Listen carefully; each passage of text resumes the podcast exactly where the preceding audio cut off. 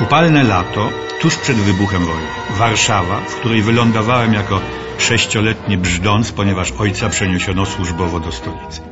Pewnego dnia ojciec zabrał mnie i brata do sali Romy na Nowogrodzkiej, gdzie wyświetlana była jedna z największych rewelacji, czyli film Królewna Śnieżka. Był to pierwszy film mego życia.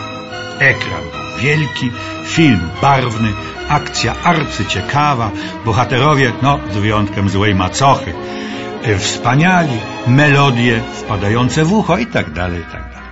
Zakochałem się od pierwszego wejrzenia.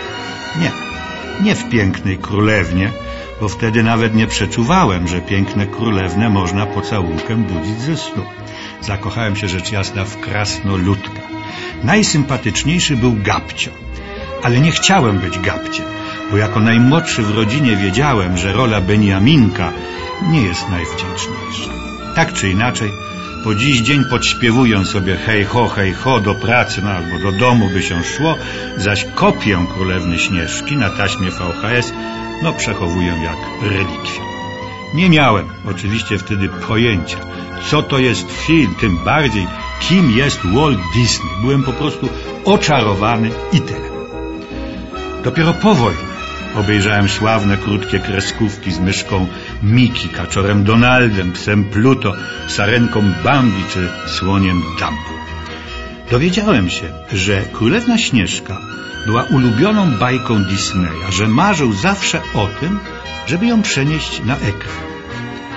To bardzo ładne, że udało mu się połączyć dziecięce marzenia z biznesem, sprawami rynku i zyskiem, bo jest Królewna Śnieżka nie tylko pierwszym pełnometrażowym filmem rysunkowym na świecie, ale i najbardziej kasowym filmem rysunkowym wszechczasów.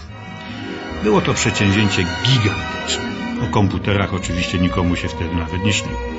W okresie przygotowawczym zrobiono dwa miliony szkiców.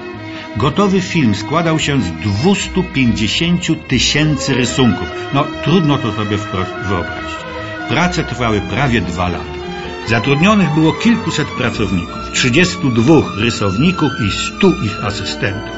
160 specjalistów zajmowało się tylko samym kolorowaniem tych 250 tysięcy rysunków. No, nie ma się co dziwić, że budżet filmu przekroczony został sześciokrotnie. Królewna Śnieżka kosztowała półtora miliona dolarów, ale dolarów dawnych, przedwojennych, przeliczając na dzisiejsze zielone, trzeba by tę kwotę kilkakrotnie powiększyć. Pesymiści, no jak to pesymiści, wróżyli Disneyowi totalną klapę. Gala premierowa odbyła się 21 grudnia 1937 roku. No a co było potem już wiemy. Jak to się mówi, w najśmielszych snach nikt nie przypuszczał. Disney tak naprawdę to miał dwie dusze. Duszę artysty i duszę człowieka interesu. Głos decydujący miała jednak ta druga, czego najwymowniejszym dowodem jest sławny Disneyland.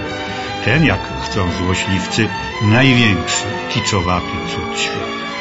No tak, ale jak wspomniałem, Disney miał dwie dusze, artysty i człowieka interesu. I dzisiaj rzecz jasna są tacy.